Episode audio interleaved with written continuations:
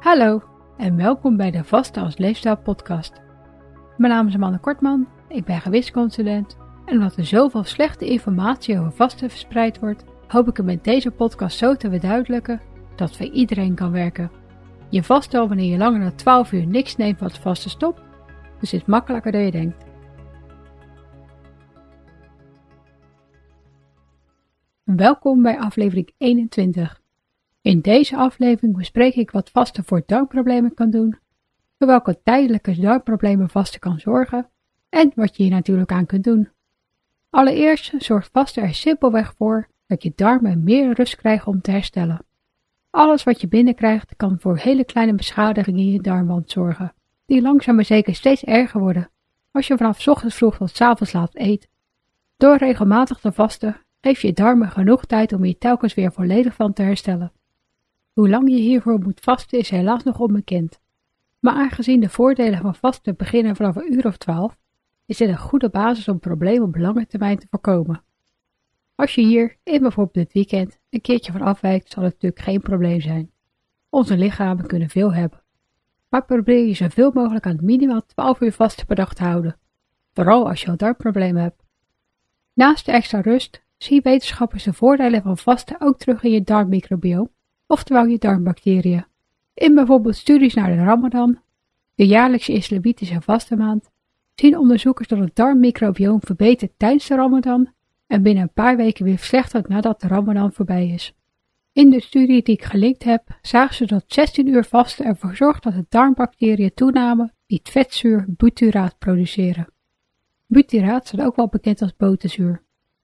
Deze darmbacteriën zijn gek op vezelrijke voeding, maar kunnen ook heel goed leven op het slijm van onze darmwand, iets wat andere darmbacteriën niet kunnen.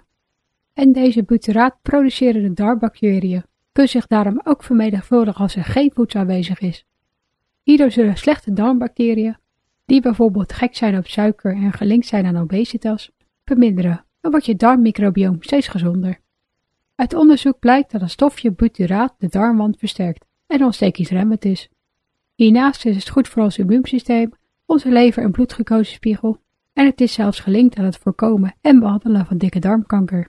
En mensen met darmproblemen zoals PDS en IBD hebben er vaak een tekort van.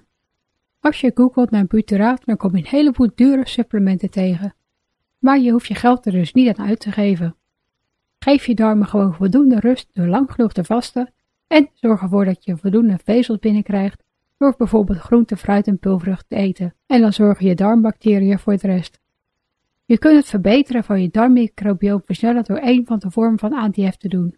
Dit is eigenlijk niet iets wat ik beginnende vasters aanraad. Het is voor velen tenslotte een te grote verandering, maar als je nu veel darmproblemen hebt, kan het de moeite waard zijn.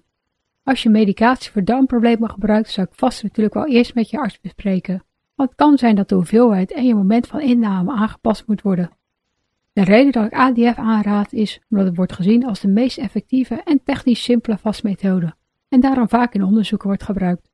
Bij ADF eet je natuurlijk de ene dag binnen 6 tot 12 uur twee of drie maaltijden en de andere dag vast je volledig. Je volledige vastheid is dan telkens 36 tot 42 uur.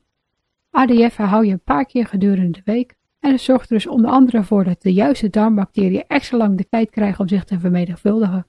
Hierna zal het zelfherstellende vermogen autofagie telkens langer kunnen verhogen, iets wat ik uitgebreid bespreek in aflevering 15.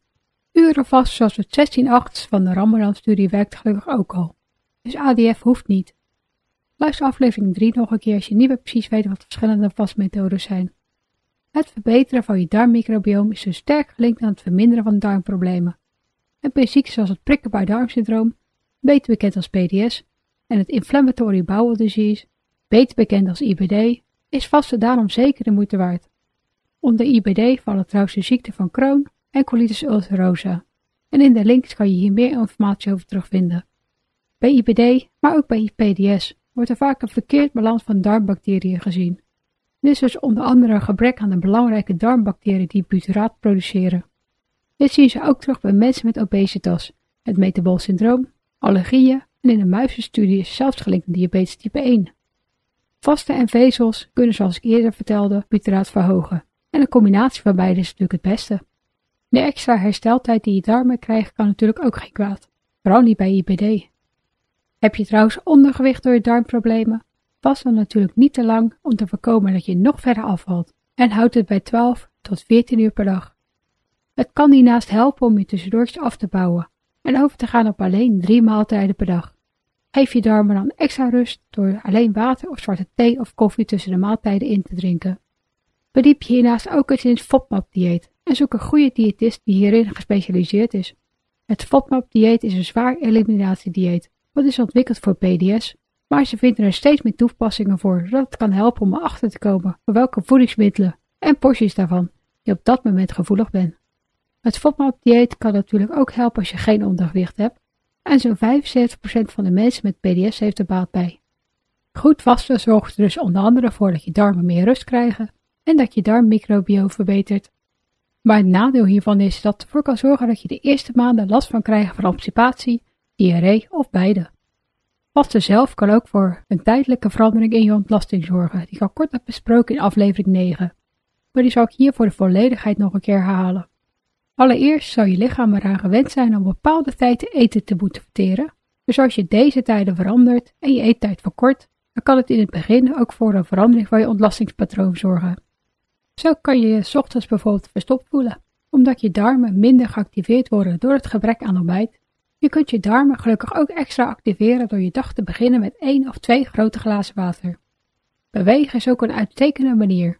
En koffie prikkelt je darmen. Dus nadat je het water hebt gedronken, kan je bijvoorbeeld een ommetje maken en bij thuiskomst een bakje koffie nemen. Dit zou je ongetwijfeld naar het toilet sturen. Kan je niet tegen koffie? Een grote mok thee of warm water kan ook helpen. Moet je na de maaltijd altijd naar het toilet, maar heb je geen diarree? Beeld je dan in dat er letterlijk plaats in je darmen gemaakt wordt voor de maaltijd die je net hebt gegeten. Vasten kan er verder voor zorgen dat je iets minder eet, waardoor je darmen minder hoeft te verwerken en je minder vaak naar het toilet hoeft. Dit hoeft daarom niet te betekenen dat je daadwerkelijk verstopt zit. Het veranderen van je vochtbalans kan wel voor obstipatie zorgen. Zodra je in ketose gaat, verlies je tenslotte meer vocht in de vorm van urine. Er worden vooral in het begin extra elektrolyten, oftewel zouten, meegespoeld. Let er dan op dat je voldoende drinkt, maar ook voldoende zout, kalium en magnesium binnenkrijgt. Zout je eet iets meer, overdrijf natuurlijk niet, want dit is slecht voor je nieren, en eet voldoende groente en fruit om voor het wegspoelen van de elektrolyten te compenseren. Je kan hiernaast ook tijdelijk magnesiumcitraat nemen.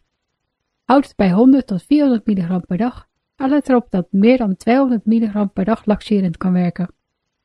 Als je ondanks de extra elektrolyten last blijft houden van obstipatie, dan kan het ook geen kwaad om wat meer te letten op je vezelinname. En in mijn blogpost genaamd Vezels kan je hier meer over lezen. Ga je juist te goed naar de wc en heb je bijvoorbeeld na de maaltijd last van diarree? Kijk dan eens goed naar wat je eet en begin je eettijd bijvoorbeeld met iets kleins en licht verteerbaars, zoals een kopje bouillon, een stukje fruit of wat snackgroente. Na een half uurtje kan je dan de maaltijd nemen, maar let erop dat het de vette maaltijd in het begin dwars door je heen kan lijken te gaan. Iets met koolhydraten en eiwitten zoals wat roergebakken groenten met een eitje kan dan een goede optie zijn. Smoothies of ontbijtrecepten zoals havermout met fruit ook populaire maaltijden voor gevoelige magen en darmen. Let wel op de grootte van je porties fruit en zuivel. Wat zowel te veel fruitsuiker als zuivel kunnen laxerend werken als je er gevoelig voor bent. Heb je na een paar weken nog steeds last van diarree of van obstipatie? Ga dan eens na of je niet een voedselintolerantie hebt. Dit gaat vaak samen met het krijgen van een opgeblazen buik en buikpijn. Doordat je in een kortere tijd eet, merk je veranderingen sneller. En soms ook heftiger, waardoor je misschien al jaren een voedselintolerantie hebt die je nu pas opmerkt. Voedselintoleranties kunnen verdwijnen en hoeveel je van iets eet kan een groot verschil maken. Dus schrap niet zomaar hele voedselgroepen als je vermoedt dat je er last van krijgt. Houd een eetdagboek bij en vergeet niet dat sommige voedingsmiddelen pas na twee dagen voor problemen kunnen zorgen. Hiernaast kan stress darmproblemen verergeren, dus dat kan ook meespelen. Nu je weet wat vaste voor je kan doen als je darmproblemen hebt, en van welke tijdelijke darmproblemen het kan zorgen, wil ik deze aflevering eindigen met een korte samenvatting van mijn darmproblemen. Ik heb al tien jaar echt last van mijn darmen, en als ik terugdenk aan mijn jeugd, had ik het toen eigenlijk ook al, aangezien ik altijd veel meer toiletpapier nodig had dan de rest. Ik nam op de camping daarom ook vaak maar gewoon de wc-rol mee. In 2012 had ik opeens last van maagzuur. Dit werd gelinkt aan obstipatie, terwijl ik iedere dag gewoon naar het toilet ging. Na diverse uitgebreide onderzoeken kreeg ik een half jaar later de dooddoenend PDSC. Dit staat voor de constipatie, oftewel obstipatie versie van een prikkelbaar Down syndroom. En dit betekent niks meer omdat ze geen oorzaak konden vinden voor mijn obstipatieklachten. Het is natuurlijk fijn dat ze niks ernstig vonden, maar buiten wat zakjes om mijn ontlasting op gang te houden, moest ik het zelf maar uitzoeken. Ik had al gezond en volgde de richtlijnen die ze aanraden. En hoewel het FODMAP dieet hielp met erachter te komen waar ik buikpijn van kreeg, is de obstipatie door de jaren alleen maar toegenomen. Tijdens bepaalde dagen van mijn menstruatiecyclus was de obstipatie telkens nog extremer. Dus toen ik in 2019 na ruim zes jaar klachten ook de diagnose endometriose kreeg, verklaarde het in ieder geval waarom het dan telkens toenam. Obstipatie is hiernaast ook gelinkt aan het hebben van hernia's en niet-allergische overgevoeligheid. Dus ik weet na tien jaar nog steeds niet wat de exacte oorzaak is. Maar het zou me niks verbazen dat de combinatie van alle drie is.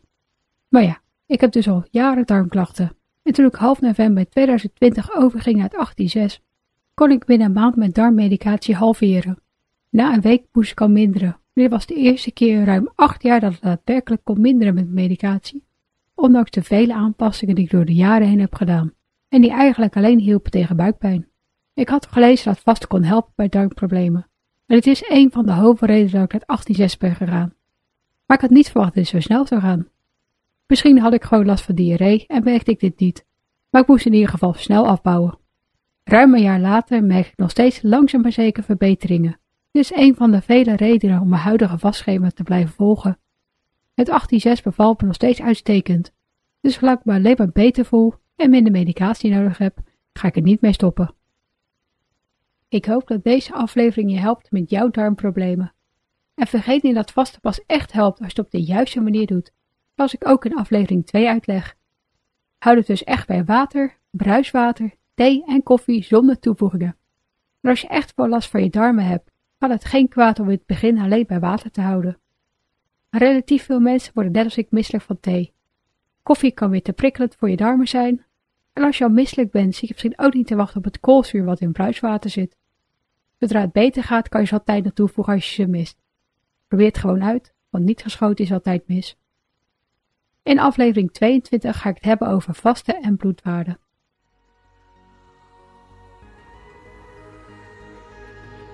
Bedankt voor het luisteren en vergeet niet dat je de onderwerpen en bronnen altijd in de omschrijving van de aflevering kunt vinden. Weet je niet zeker of sommige tips of adviezen ook voor jou geschikt zijn? Bespreek ze dan natuurlijk altijd met je arts. Heb je nog vragen of opmerkingen? Of heb je behoefte aan persoonlijke begeleiding? Kijk dan op valerien.nl voor meer informatie.